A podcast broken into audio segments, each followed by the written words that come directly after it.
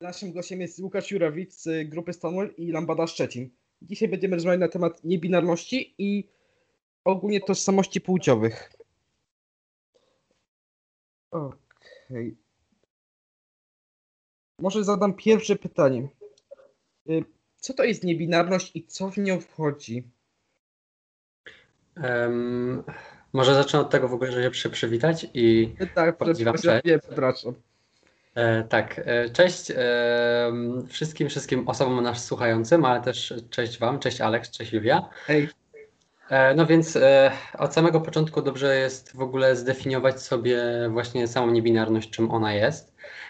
I ja nie jestem osobą ekspercką e, i mogę się wypowiadać wszystkie moje opinie i to, jak ja opowiadam o niebinarności albo o jakichś doświadczeniach, albo w ogóle o społeczności osób niebinarnych płciowo, to są przede wszystkim e, moje doświadczenia i osób, które znam. Także trzeba e, traktować je z taką dozą świadomości, że po prostu to, to nie jestem ambasadorką niebinarności. Mhm. Niebinarność e, płciowa jest jedną z identyfikacji płciowych, e, z którymi się rodzimy i polega ona przede wszystkim na tym, że osoba nie identyfikuje się ani w 100% z e, kobietami, ani w 100% z mężczyznami. Niebinarność zawsze jest gdzieś pomiędzy, poza spektrum tożsamości płciowej i binarności. Może też e, zawierać więcej niż jedną płeć na raz, a może nie zawierać żadnej. E, Jest to coś, z czym się rodzimy, nie jest to nasz wybór i po prostu jest to nasze indywidualne poczucie naszej płci. okej, następne pytanie to, y, czy, czy niebinarność podchodzi pod parasol transpłciowości? E, Z definicji owszem, bo definicja transpłciowości mówi, że osoby transpłciowe to takie, które, em, nie, których identyfikacja płciowa nie zgadza się z przypisaną im płcią przy urodzeniu przez jakąś osobę medyczną, lekarza, położną. I niebinarność e, zgadza się z tą definicją, bo niebinarność też nie zgadza się z tą płcią, która jest przypisywana nam przy urodzeniu. Więc tak, niebinarność jest transpłciowością, ale transpłciowość nie jest niebinarnością. Dlatego to transpłciowość jest parasolem dla niebinarności, a nie na odwrót. Jeszcze z tego nie, nie jestem czy pewien, czy jeszcze w, pod parasolem niebinarności mamy jeszcze kilka tych, czyli gender fluid, bigender, outgender itp. itd. Mhm, zgadza się. E, I to są wszystkie podrodzaje e, niebinarności, które definiują właśnie to, e, czy jest, czy mówimy tutaj o płynnej identyfikacji płciowej, czy mówimy o więcej niż jednej płci naraz, czy nie mówimy o płci jako poczuciu w ogóle. I są to podrodzaje niebinarności. Okej, trzecie pytanie to jest, jak należy się zwracać do osób niebinarnych? W, ogóle tutaj, może tutaj troszeczkę dam taki mały, ostatnio sławna jest sprawa y, Margo, czyli transpłciowej niebinarnej aktywistki. Y, Dla wiele osób to jest kontrowersyjne, że jak to jest niebinarne, czyli nie identyfikuje się z żadną płcią, ale używa jednak damskich zajęków, więc y, właśnie tutaj jest, jak używać, jakich zajęków używać do osób niebinarnych? Mhm. E, ile osób, tyle e, rodzajów niebinarności e, i każda osoba niebinarna em, czuje, że chciałaby, żeby jakoś się do niej zwracać i trzeba to uszanować, więc e, kwestia zaimków jest bardzo indywidualną sprawą. Ja na przykład używam zaimków on jemu e, albo ona jej e, i używam tych zaimków na przemian, mieszam je, kiedy się bardziej czuję po którejś ze stron to po prostu używam takich zaimków i też chciałbym, żeby się do mnie tak zwracano. Margot jako osoba niebinarna mogę tylko zgadywać, że jej niebinarność jest po prostu mm, bardziej kobieca i dlatego preferuje ten zaimek e, żeński. Tak naprawdę jest to kwestia, o której nie powinno się dyskutować, nie powinno się tego podważać. E, Nie jest to sprawa polityczna, jak to się identyfikuje i jak chciałby, żeby się do, do tej osoby zwracać. E, Jest to sprawa osobista i trzeba to po prostu szanować. Ja jeszcze tutaj może dodam, że, że używanie złych zajęków w stosunku do osób transpłciowych niebinarnych to jest w pewnym sensie przemoc, więc do wszystkich osób, które będą to słuchać, nie używajcie nieprawidłowych zajęków, bo to po prostu robi krzywdę innym osobom. Oczywiście, jest to rodzaj trans, transfobii po prostu, y, bo okazuje się tym e, taki bezczelny brak szacunku do czyjejś identyfikacji, bo możemy przytaknąć, że tak, tak, jesteś osobą niebinarną, coś tam sobie czujesz, jakoś tam się identyfikujesz, ale my tego, my mamy to gdzieś, e, my się nad tym nie skupiamy, nie myślimy o tym, e, kiedy z sobą rozmawiamy, bo używamy sobie um, takich zaimków, jakie my chcemy i jakie my uważamy za stosowne w, w, w kontekście rozmawia, mówienia do, do ciebie albo o tobie. Jest to rodzaj transfobii, dyskryminacji i przemocy. Okej, okay, teraz y, Julia zadała pytanie, tylko musimy jeszcze. Julia musi znaleźć, bo to ja miałem teraz włączone. Okej. Okay.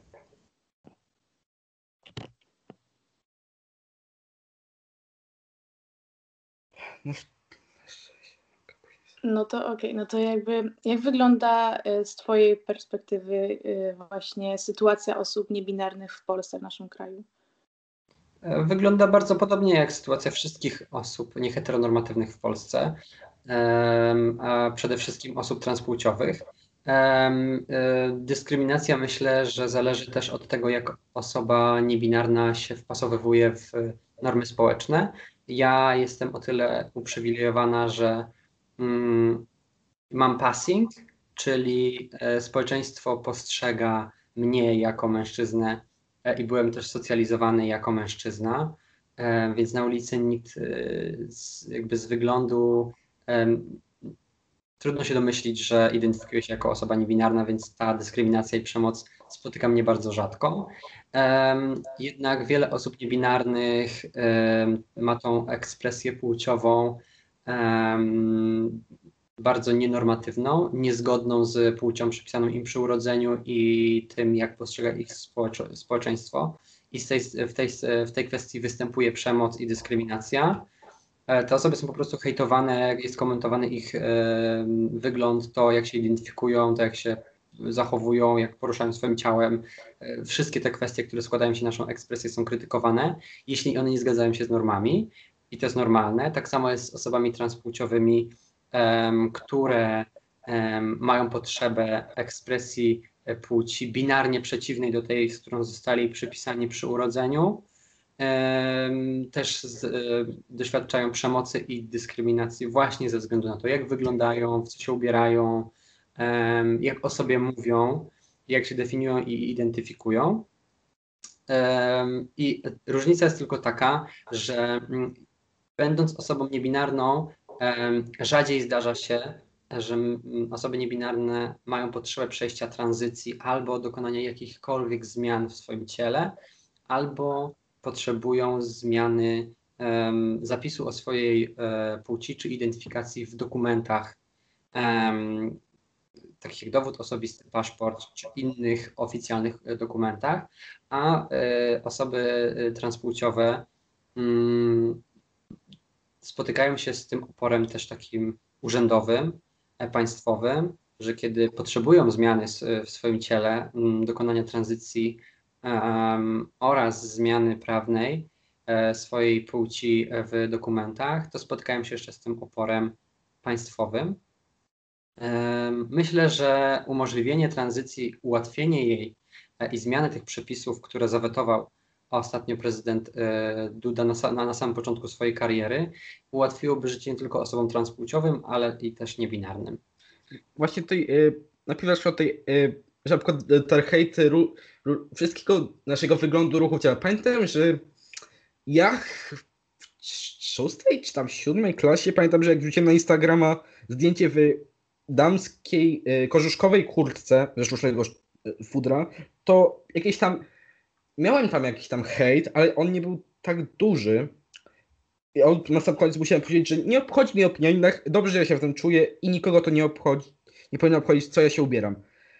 Yy, właśnie pamiętam, że jak widziałem jakieś twoje nagranie z Letniej Akademii Równości, jak tańczyłeś do tych stop pedałowanie, to było to oczywiście tam też ci z hetero mężczyźni, oczywiście tacy obrażeni przez to, musieli użyć swoim po prostu emocjom, więc oczywiście tam polałoś trochę hejtu. Mm.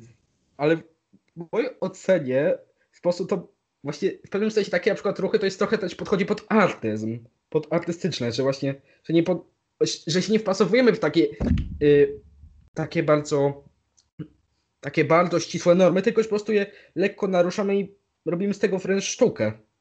Mhm, oczywiście. Generalnie ekspresja płciowa jest bardzo złożona um, i każdy ma inną potrzebę jej ekspresji. Ja na przykład e, taką ekspresję niezgodną z tymi normami um, wyrażam w bezpiecznej przestrzeni um, i też potrafię zamienić się w tą szarą osobę normatywną dla świętego spokoju, dla niedoświadczenia tej przemocy na co dzień, dopasowywania się i niewyróżniania, e, żeby sobie po prostu nie robić pod górkę w bardzo transfobicznym społeczeństwie, ale to jest indywidualna sprawa, bo niektórzy nie, nie potrafią tego e, robić w ten sposób. Ich e, ekspresja musi być nienormatywna, bo inaczej nie będą żyć w zgodzie z samymi sobą. Więc też, też rozumiem, że mm, oni nie wybierają tego, żeby się godzić na tą przemoc. To jest po prostu życie w zgodzie ze sobą. I tu znowu, jakby ja znam swoje przywileje i wiem, że ja potrafię, a nie, nie wszyscy chcą, chcą tak e, funkcjonować jak ja, czy mają takie same potrzeby.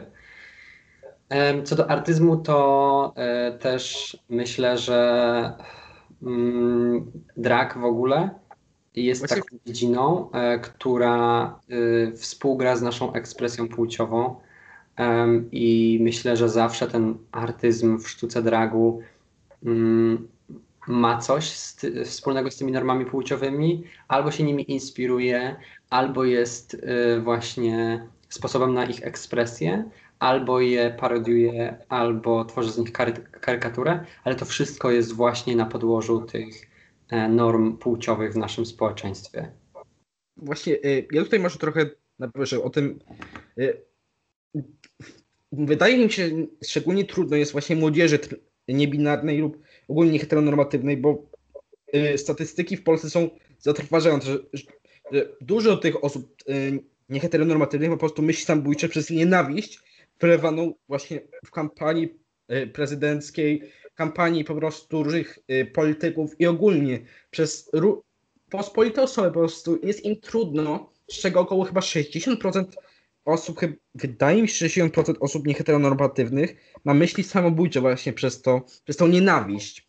A co do dragu, to yy, my właśnie wczoraj rozmawialiśmy z, z twoją starą właśnie na temat dragu, więc tego też będzie podcast, więc to ewentualnie udostępnimy Okej. Okay. Po prostu w mojej ocenie powin... przepisy powinny być o tyle zmienione, żeby po prostu jakakolwiek dyskryminacja była niedozwolona i właśnie powinny być obowiązkowe lekcje antydyskryminacyjne w szkołach. Oczywiście, generalnie jednym z głównych postulatów ruchu emancypacyjnego osób LGBT w Polsce jest edukacja seksualna i ona zawiera wszystkie te rzeczy.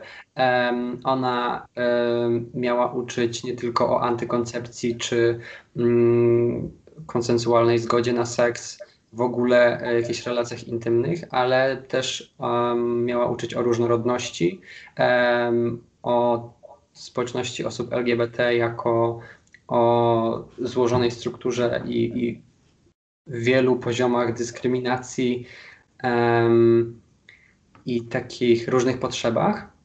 I w tym właśnie też było, miało być zawarte, że um, ta edukacja miała uczyć, czym jest ekspresja płciowa, czym jest identyfikacja płciowa, a czym jest orientacja psychoseksualna, że są to indywidualne, osobne, złożone rzeczy.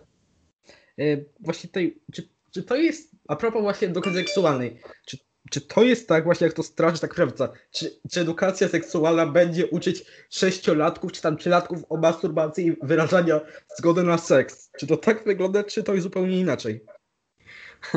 To znaczy, ja e, powiem szczerze, że nigdy nie wgłębiałem się w te wytyczne e, Światowej Organizacji Zdrowia i trudno mi wskazać dokładnie przepisy, które tam zostały z, z nadinterpretowane albo zmanipulowane ale ja w doświadczeniu z, z rozmów e, i kontaktu z osobami, które zajmują się edukacją seksualną, są psychologami, psycholożkami, seksuologami, seksuolożkami, nigdy nie spotkałem się z pomysłem, żeby tak małe dzieci uczyć e, masturbacji czy innych podobnych e, rzeczy. Mm, więc wydaje mi się, że można śmiało powiedzieć, że jest to ogromna manipulacja i edukacja seksualna wprowadziłaby tylko dobre zmiany i wychowała um, młode osoby od, od, samego początku na po prostu tolerancyjne, akceptujące siebie i innych e, społeczeństwo. Um, a co do tych wieków, e, to pewnie opiera się to na pomyśle, że e, tam jest zapis wskazujący na to, że edukacja seksualna po prostu powinna być dostosowana do wieku odbiorców e, tej nauki i, to zostało zmanipulowane. Y, co to jest w ogóle ten słynny gender, którego boi się prawica, tak? Bo ciągle znaczy, że, że gender będzie u, uczyć, yy, że LGBT będzie uczyć w ogóle genderem itp. itd. Że będziemy uczyć genderu itp. itd. Trudno mi powiedzieć, e, jak prawica definiuje gender. Ja też nie jestem osobą, która się specjalizuje w jakichś takich naukach, żeby to definiować, ale jedyną styczność, jaką ja miałem ze słowem gender, to um, kiedy ktoś opowiadał mi o studiach poddyplomowych Gender Studies um, i chodziło w nich po prostu o naukę o um, różnicach między płciami, na takim społeczno-kulturowym oddziaływaniu norm płciowych i to, jak funkcjonuje nasze społeczeństwo w kontekście płci binarnych i niebinarnych po prostu. Myślę, że prawica jak zawsze boi się po prostu nauki i czegokolwiek by im nie powiedzieć, to oni się wystraszą, zmanipulują, znadinterpretują jedno słowo i zamienią go w potwora, tak jak zamienili gender w potwora gender. E, po prostu jest, a propos właśnie tego prawica, w ogóle najpierw mówią właśnie, że najpierw się słuchają tak WHO w korona, a jak w kwestii edukacji seksualnej to WHO, to jest w ogóle y, wymysł, wymysł lewicy, lewaków itp. itd. Nie, oczywiście. Generalnie myślę, że yy, nasze społeczeństwo jako takie, w ogóle polskie, wybrednie traktuje naukę e, i nawet nie mówiłbym tutaj tylko o prawicy, bo spotkałem się po obu stronach z interpretowaniem wytycznych WH i innych instytutów naukowych, e, tylko wtedy, kiedy im to odpowiada. I tak samo jak prawica sięga po wytyczne WHO, żeby straszyć edukacją seksualną.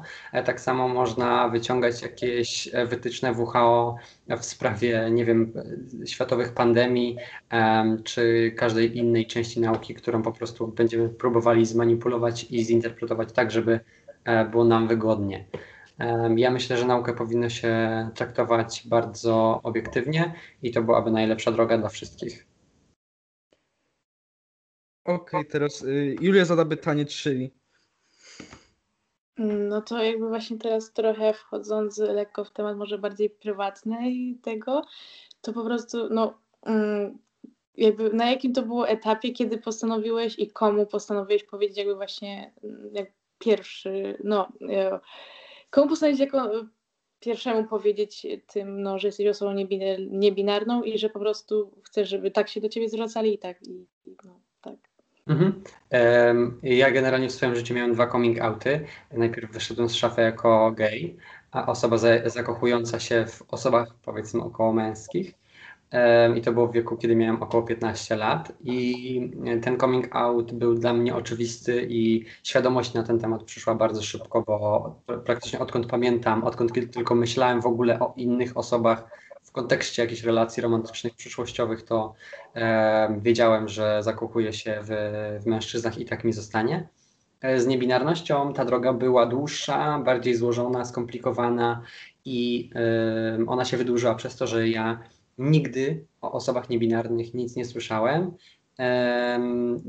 No, pod tej, podczas tej drogi bardzo pomógł mi feminizm jako taki, E, zerwanie z normami płciowymi, zauważenie dyskryminacji ze względu na czyjąś płeć albo identyfikację, e, później wgłębienie się w szczegóły przemocy wobec społeczności osób transpłciowych i poznanie różnorodne, róż, różnorodności społeczności osób LGBT.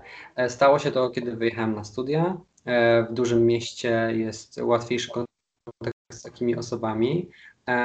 I po prostu, kiedy poznałem osoby niebinarne, zacząłem rozmawiać e, o w ogóle o identyfikacji płciowej jako takiej.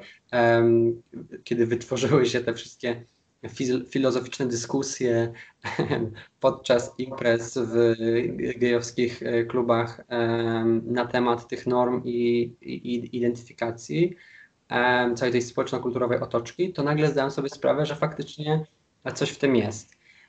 Czytając głębiej o identyfikacjach i o niebinarności, faktycznie znalazłem szufladkę, która pasowała do mnie. To znaczy, najpierw, że moja identyfikacja nie zgadza się z płcią przypisaną mi przy urodzeniu, później, że jest to niebinarność, a dokładnie gender fluid, że jest moja identyfikacja jest płynna między dwoma e, binarnymi płciami męską i kobiecą. I kiedy już to wszystko złożyłem e, w jedno, zdefiniowałem siebie i swoją identyfikację, to postanowiłem po prostu używać swoich zaimków na e, takich, jakie czuję, że chciałbym. Zacząłem e, ubierać się i wyrażać siebie tak, jak zawsze chciałem i jak potrzebowałem. I jakoś naturalnie to przyszło, że bliscy ludzie wokół mnie zaczęli zauważać, że ta moja identyfikacja jest inna i, i, i jest y, niebinarna. I któregoś dnia postanowiłem, że wrzucę na swojego Instagrama, na którym prowadzę osobisty aktywizm, post na ten temat. I myślałem, że nikogo to nie zaskoczy, a okazało się, że post powędrował w różne ścieżki i zrobił um, duży szum, e, szczególnie wokół, w, w, w, pośród tych osób, które nie są części, tą częścią społeczności osób LGBT, e, moich heteronormatywnych, cispłciowych znajomych, którzy po prostu się przerazili, że ten gej znowu coś wymyśla i teraz nagle jest niebinarny i w ogóle kosmita. Właśnie tutaj, y, jeśli tutaj mogę na temat feminizmu, ostatnio coraz słynniejszym pojęciem jest y, TERF, czyli radykalna feministka wykluczająca osoba transpłciowe, w tym nie, niebinarna, więc w ogóle to mnie tyle martwi, że jednym z, w ogóle jest taka instagramerka, Kajaszu, właśnie bardzo popularna dość. I ona jest właśnie takim terwem, czyli uważa, że nie będzie mówić w zajmkach, jakich chce się, nie będzie proszać osób niebinarnych, transpłciowych, bo tak. A to mnie mhm. o tyle martwi. Mhm. E, no wiesz, to tak e, jakby z tym feminizmem wykluczającym inne dyskryminowane grupy jest tak samo jak z tym kolegą gejem, który się nie, e, nie zgadza z postulatami e, aktywistów i tym kolegą gejem, który nie chodzi na marsze równości i nie chce się odnosić. Czy jest słynny gej przeciwko światu przyjaciel pana Dudy? O Jezus, tak. Um, ja kiedyś wylądowałem na jego Facebooku. E, ja też wylądowałem na jego Facebooku przez grupę Trzeba, że oczywiście, że się, że, yy, że bo puściłem tam, że Mr. Bear 2020 jest homofobiczny, transfobiczny i że i tam chyba z fake konta yy, gej przeciwko światu udostępnił mnie i że, że się obstraliśmy z tego powodu, że, że się nie zgadza z LGBT, może, yy, że się stał popularny właśnie przez LGBT. No właśnie, no ja wylądowałem tam po tym, jak w replice powiedziałem, że stosuję PrEP jako profilaktykę przedekspozycyjną na wirus HIV. Jak, jakby każda odpowiedzialna osoba, jakby mająca kontakty seksualne z więcej niż jednym stałym partnerem i została, został na mnie wylany slut shaming, że jestem um, jakby szmatą środowiska osób e, LGBT. No cóż, ale wracając, no to faktycznie mm, zachodzi, tak jak w, przy, w, przypadku kolegi geja, który nie chodzi na Marsze Równości, zachodzi zinternalizowana homofobia, z, do której ta osoba jest zmuszona przez stres mniejszościowy. Myślę, że tak samo te osoby wyznające, jakby definiujące się jako feministki, a dyskryminujące inne osoby, e, to są osoby, które po prostu są strażniczkami patriarchatu i choć wiedzą, że chciałyby mieć e, pełnię praw i wolność, to że zamiast stając w obronie swoich, stać w e, obronie swoich wartości, to podlizują się prawicy i chcą się im przypodobać, żeby dostać od nich łaskawie prawa. Jest to myślę, że jeden, jedna z reakcji po prostu na stres i strach. Teraz e, Julia teraz zada pytanie. Tak, i no właśnie jeszcze tak jakby w sprawie tych bliskich osób, to jakby czy oni to zaakceptowali i no czy, no, czy oni to zaakceptowali, czy y, zwracają się do ciebie tak, jak ty byś chciał i no tak. E, generalnie tak, generalnie wśród moich bliskich osób no, ta reakcja była neutralna albo pozytywna, ewentualnie pomiędzy. Moje zaimki to jest on lub ona, więc jeśli ktoś nie czuje, um, że chciałby się do mnie zwracać zaimkiem ona albo i on na zmianę, to wybiera na przykład jeden, albo ona, albo on cały czas i też to jest dla mnie e, w porządku. Mm, miałem dużo dyskusji um, z różnymi osobami, mówię teraz o rodzinie przede wszystkim, e, tej biologicznej. E, miałem tam dużo dyskusji na temat niebinarności, raczej wykazywali zainteresowanie i mm, chęć akceptacji. A jeśli chodzi o inne osoby mi bliskie, to są przede wszystkim aktywiści, więc tam nie było w ogóle dyskusji na ten temat, ewentualnie jakieś takie filozoficzne rozważania na temat w ogóle identyfikacji i, i moich doświadczeń. Ale także ja naprawdę nie miałem e, od czasu mojego coming outu praktycznie w ogóle e, takich doświadczeń transfobicznych od strony ludzi wokół mnie, bliskich, czy znajomych, przyjaciół, czy rodziny. E, naszym i Juli gość, moim i Juli gościem był, e, był Łukasz Jurewicz z grupy Stonewall i Lambada Szczecin. Serdecznie dziękujemy za rozmowę. Dzięki wielkie i powodzenia dalej w podcaście. Dzięki. Do usłyszenia.